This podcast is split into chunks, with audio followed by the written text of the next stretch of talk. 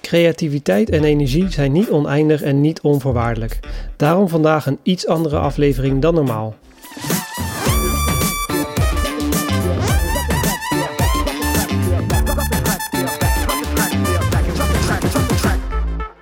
Hey, welkom bij Bevlogen Bart. Leuk dat je weer luistert. Vandaag helaas geen gast, omdat ik even met jullie het over iets anders wil hebben. We zitten pas in aflevering 3, maar helaas moet ik nu alweer afwijken van de formule. En dat heeft een niet zo'n gezellige reden. Ik zit namelijk midden in een burn-out en daarom heb ik geen energie om mijn gasten te interviewen en diep in te gaan op wat mij inspireert. Maar ik wilde vandaag wel een aflevering maken, dus laten we het thema burn-out bespreken. En hopelijk kan ik je in ieder geval nog wat tips meegeven om het te voorkomen.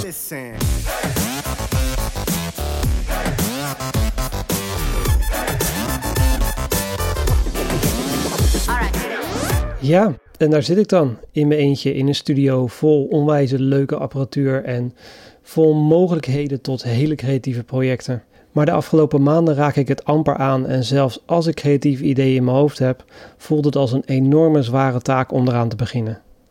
Dat zijn nou tekenen van een burn-out. Ik zal zo mijn verhaal met jullie delen, maar laten we eerst even naar wat feiten en cijfers kijken. In Nederland hebben ongeveer 1,3 miljoen mensen een burn-out en in bijna alle gevallen is het werk de grootste boosdoener. Maar het is zelden de enige boosdoener. Vaak zijn er meerdere factoren die meespelen. Bij een burn-out kun je het allemaal even niet meer aan.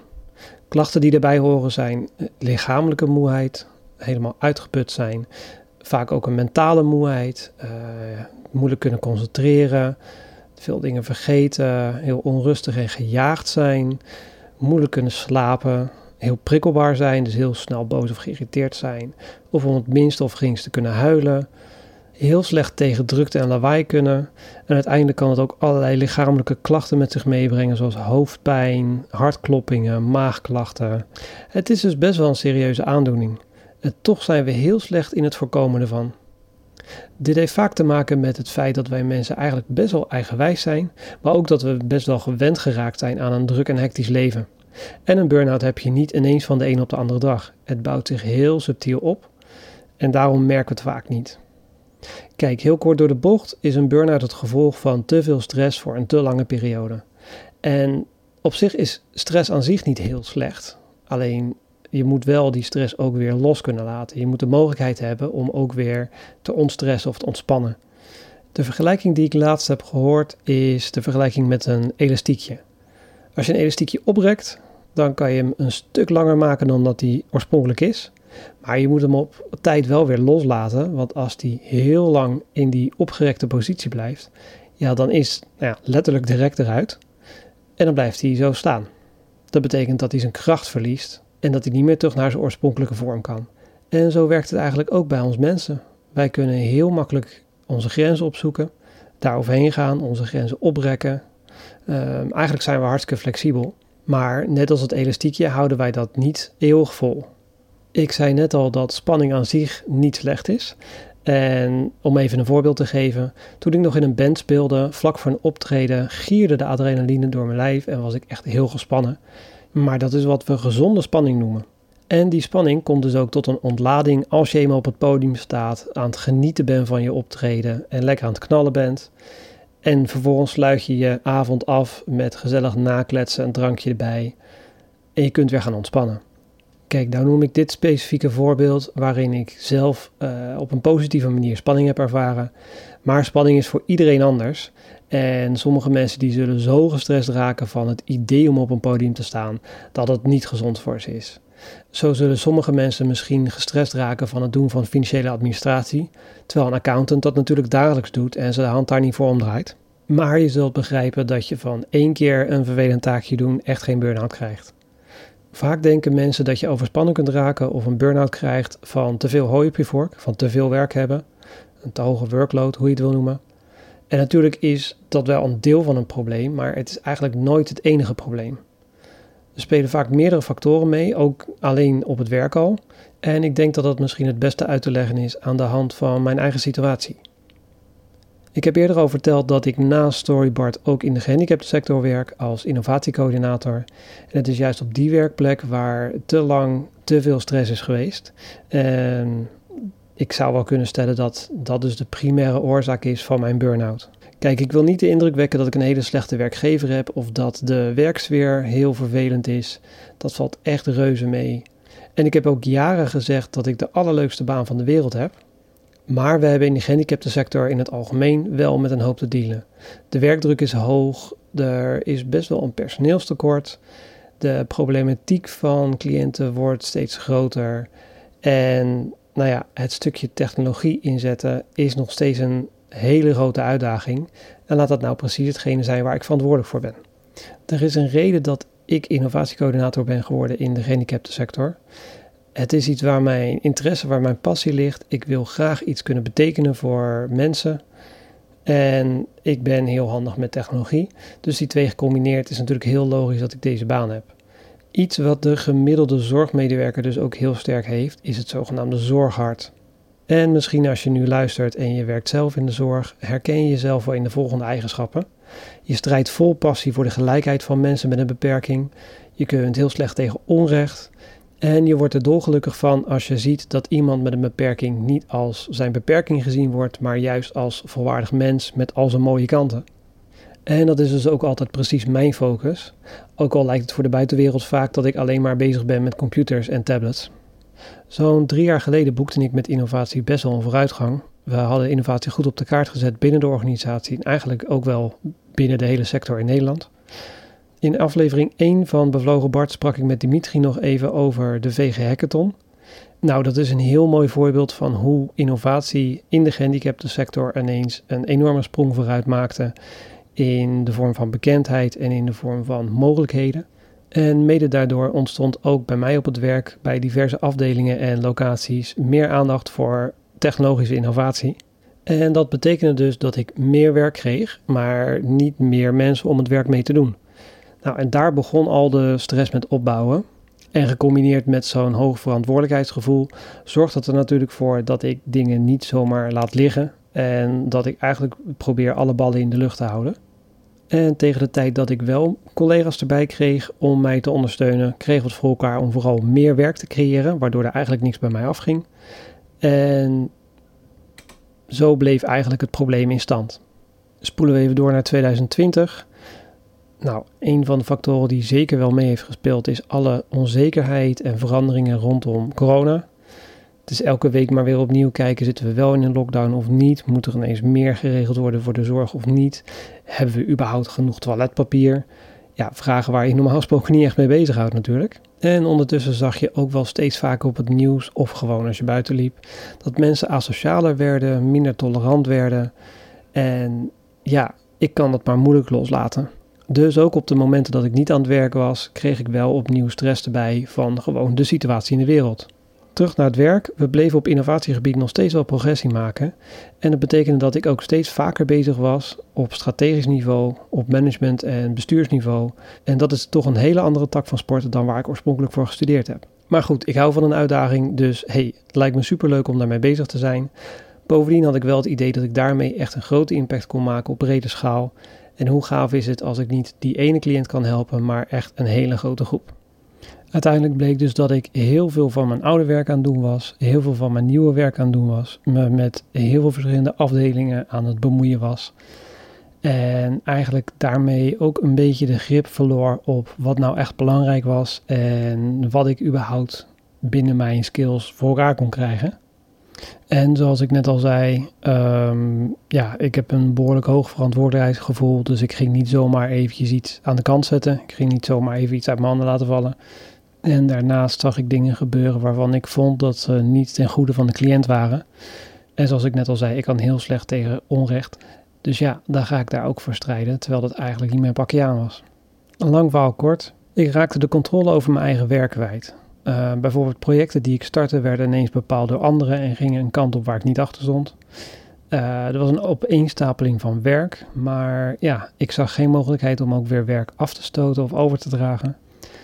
Um, ondertussen werd ik verantwoordelijk gemaakt voor dingen waar ik eigenlijk niet van was. Er werd regelmatig de zin uitgesproken, daarvoor moet je bij Bart zijn, of daar is Bart van, terwijl dat dan helemaal niet bij mij hoort. Maar ja, ik had op dat moment ook niet de mogelijkheid om het op een juiste manier buiten de deur te houden, om het zo maar even te noemen. En daarnaast kreeg ik steeds vaker het idee dat hetgeen wat ik belangrijk vond, niet per se door anderen ook even belangrijk gevonden werd. En nou ja, daar ga ik dus heel veel tijd steken in het proberen duidelijk te maken waarom het nou zo belangrijk is. En ja, als men andere prioriteiten heeft, dan is het eigenlijk gewoon verspilde energie natuurlijk. En al die punten tellen toch wel bij elkaar op. Kijk, als er maar één van deze punten speelt, dan kan je dat nog wel prima handelen. En als er genoeg andere dingen tegenover staan die je positieve energie geven, dan hou je dat prima vol. Maar het was echt een opeenstapeling van dingen. Daarnaast, mede door COVID, zag ik mijn collega's niet zo vaak meer. We waren meer aan thuiswerken of we waren meer gescheiden van elkaar aan het werk. En heb je dus ook niet die saamhorigheid, heb je ook niet die band die je normaal gesproken hebt en de steun die je bij elkaar kan vinden om even te klagen of even te sparren of gewoon weer even samen lunchen en kletsen en even afleiding te zoeken. Ja, al die dingen die waren er bijna niet door alle coronamaatregelen. Dus de stress die bouwde eigenlijk alleen maar op en ik had geen mogelijkheid om dat af te bouwen. En ja, nou ja, op een gegeven moment hou je dat niet meer vol. En het stomme is, er zijn nog momenten geweest waarop ik het ook echt heb aangegeven. En we zijn ook nog wel met collega's, met het team bezig geweest om te kijken of we daar verandering in konden brengen. Maar blijkbaar op een, een of andere manier niet op de juiste manier of niet adequaat genoeg, waardoor de stress eigenlijk verder opbouwde. Ja, en op een gegeven moment zat ik gewoon aan mijn tax. Uh, vlak voordat ik mijn muziek meldde, ja, zag ik echt door de boom het bos niet meer. Ik uh, kreeg niks voor elkaar. Ik kon niks plannen en organiseren. En zelfs hele simpele mailtjes typen kostte me al meer dan een uur. Um, niks lukte meer. En helaas werkte ik op dat moment met een aantal mensen samen die in plaats van hulp aan te bieden, vooral de druk gingen opvoeren. Ja, en dat, dat werkt niet. Dus nou ja, uiteindelijk moest ik me wel ziek melden. Gewoonweg omdat ik echt niks meer voor elkaar kreeg. En ja, het privé ook echt niet goed ging. En ja, nou ja, daar zit ik dan. En het stomme was, in het begin dacht ik nog van ja, weet je, dit was echt eventjes nodig. Ik moet nu even ja, rust nemen, pas op de plaats maken. En over een paar weekjes kan ik wel weer aan de slag. Ja, helaas, ik kan je verklappen, zo werkt het niet. Herstel, dat uh, duurt heel lang. En er zijn ook wel meerdere mensen die dat tegen me gezegd hebben. En alle onderzoeken wijzen daar ook wel naar. Maar het is best frustrerend om te merken dat je nu dan zo lang thuis zit. Eigenlijk te niksen, om het zo maar te noemen. En nou ja, ik kan je verklappen, als ik bijvoorbeeld even één uurtje een podcast heb opgenomen, ja, dan moet ik gewoon een middagslaapje doen. Ja, dus naast die enorme vermoeidheid um, heb ik ook wel heel vaak nog last van een bepaalde somberheid. Misschien hoor je dat nu ook wel terug in mijn stem. Um, ik heb weinig inspiratie. Daar waar ik normaal gesproken 100 ideeën per dag had, komt er nu helemaal niks. En als ik een idee heb en ik probeer er even wat langer over na te denken om het uit te werken, ja, dan loop ik erin vast en heb ik er eigenlijk al geen zin meer in ook. Ja, en ik doe dus echt letterlijk het grootste deel van de dag helemaal niks. En dat is absoluut niet wie ik ben. Ik was normaal gesproken van het honderdduizend dingen op één dag doen. Um, ik kwam eigenlijk altijd uren tekort in een dag en dagen tekort in een week. Omdat ik zoveel wilde doen. En ik ben in het begin zelfs nog zo naïef geweest om te denken. Nou ja, één voordeel dat ik nu ziek thuis ben, kan ik misschien wat meer tijd en aandacht besteden aan alle leuke creatieve dingen die ik nog op de plank heb liggen. Maar ook dat gaat voor geen meter. Uh, ik kan echt, echt even niks meer. En vooral dat stukje, ja, dat frustreert me wel het meest. Dat ik zelfs de leuke dingen niet meer kan. En dat ik, ja, het gewoon niet eens volhoud om een uurtje bijvoorbeeld met mijn zoon te spelen. Omdat ik dan al, ja, te veel last heb van alle prikkels. Ja, weet je, dat, dat, dat is gewoon echt niet tof om in te zitten. En als ik dan bij de dokter zit en die vertelt mij dat het herstel van een burn-out wel heel lang kan gaan duren, meerdere maanden. Ja, dan zakt soms de moed wel even in mijn schoen hoor. Ja, dus zoals al aangekondigd eigenlijk in de intro, dit keer niet een hele gezellige podcast. Um, maar ik blijf vooral niet te lang hangen in alle negativiteit, want daar word ik zelf ook niet beter van. Dus ik denk dat ik vooral deze podcast maar even wil afsluiten met een aantal tips om in ieder geval te herkennen wanneer je mogelijk um, richting overspanning gaat of misschien al zelfs tegen een burn-out aan zit. En nog even terugkomend op wat ik eerder zei. Elke vorm van spanning en stress is aan zich nog niet zo'n probleem. Het is vooral de balans waar het om gaat. Hè? Maar goed, met dat in je achterhoofd laten we in ieder geval kijken naar een aantal signalen die je bij jezelf kunt herkennen. Om in ieder geval alerter te zijn en te checken van hé, moet ik niet eventjes wat rustiger aan doen? Nou, een van de dingen wat bij mij eigenlijk wel heel snel al voorkwam, was het vaker overwerken.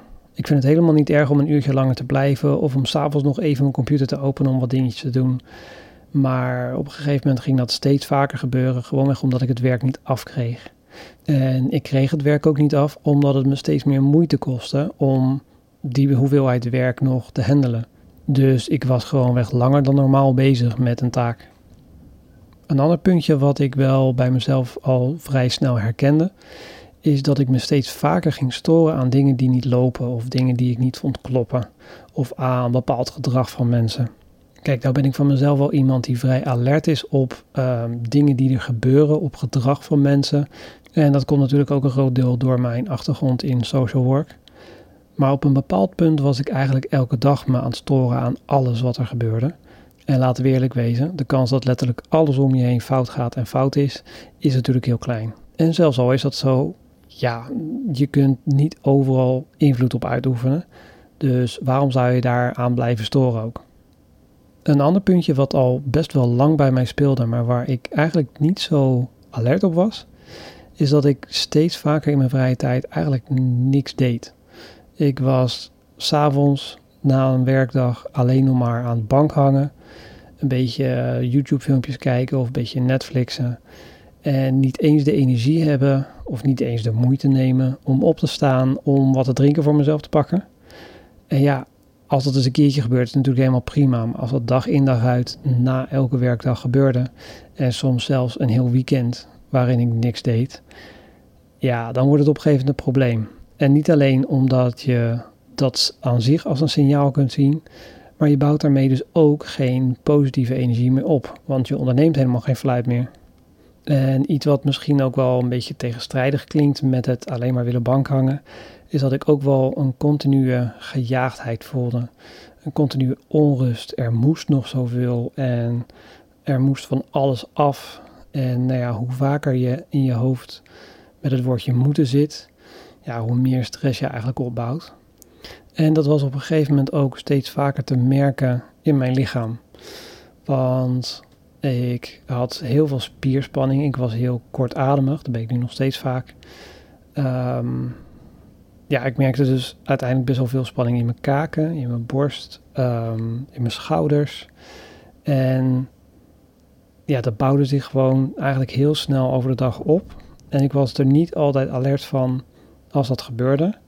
Maar op een gegeven moment voelde ik echt gewoon een bepaalde druk op mijn borst. En ik heb ook al een tijdje echt spierpijn gehad. Gewoon weg van het ja, letterlijk gespannen zijn.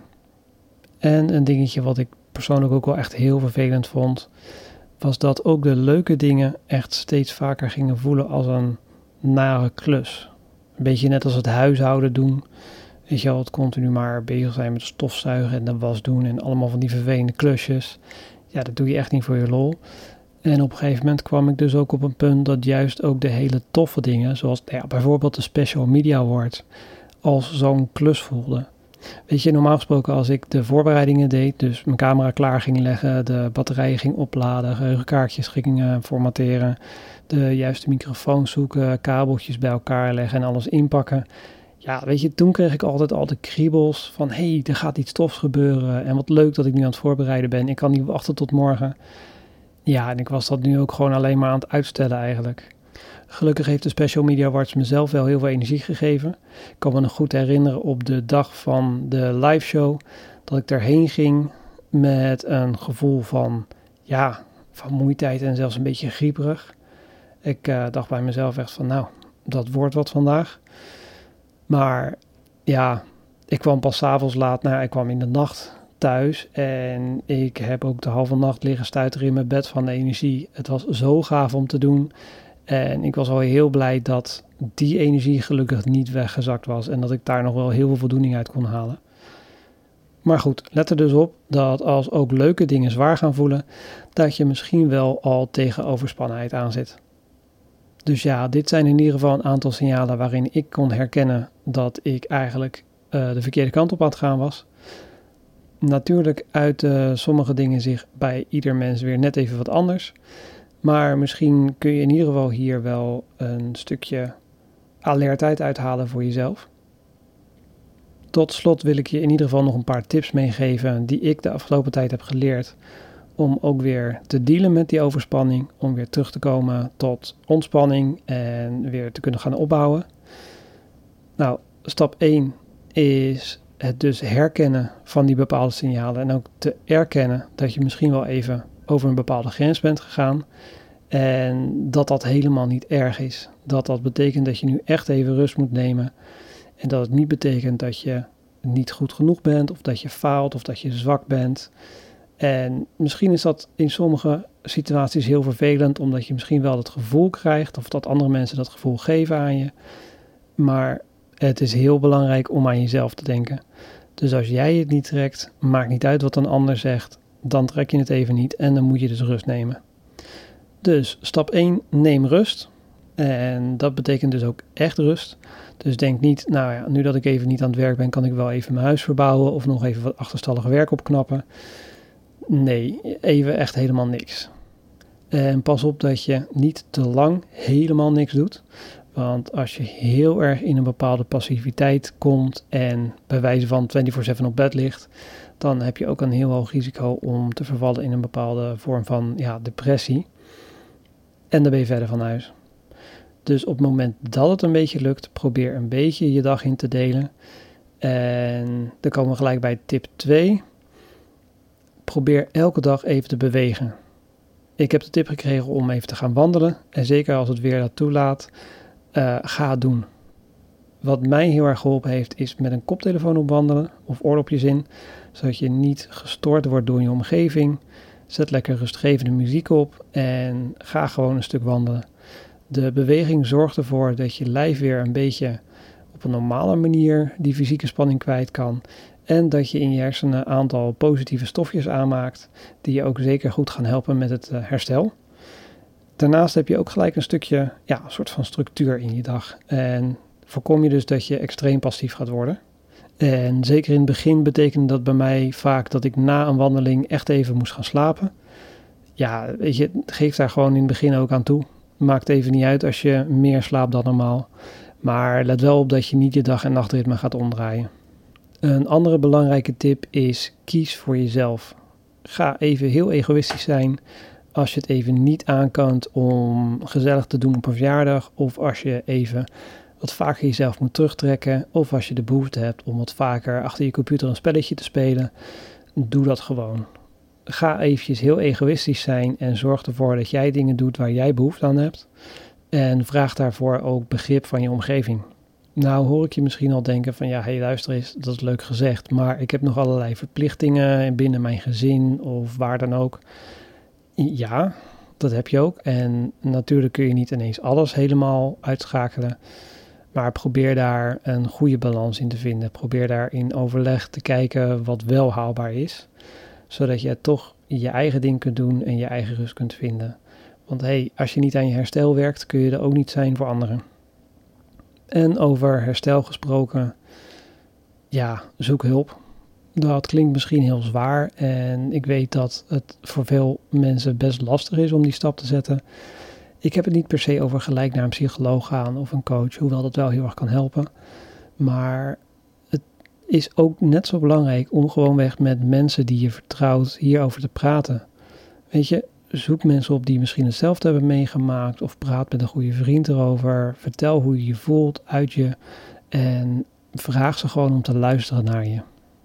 En om daarbij gelijk even wel een positieve noot te noemen. Ik ben zo enorm dankbaar voor de goede vrienden die ik om mij heen heb. En de steun die ik van ze krijg.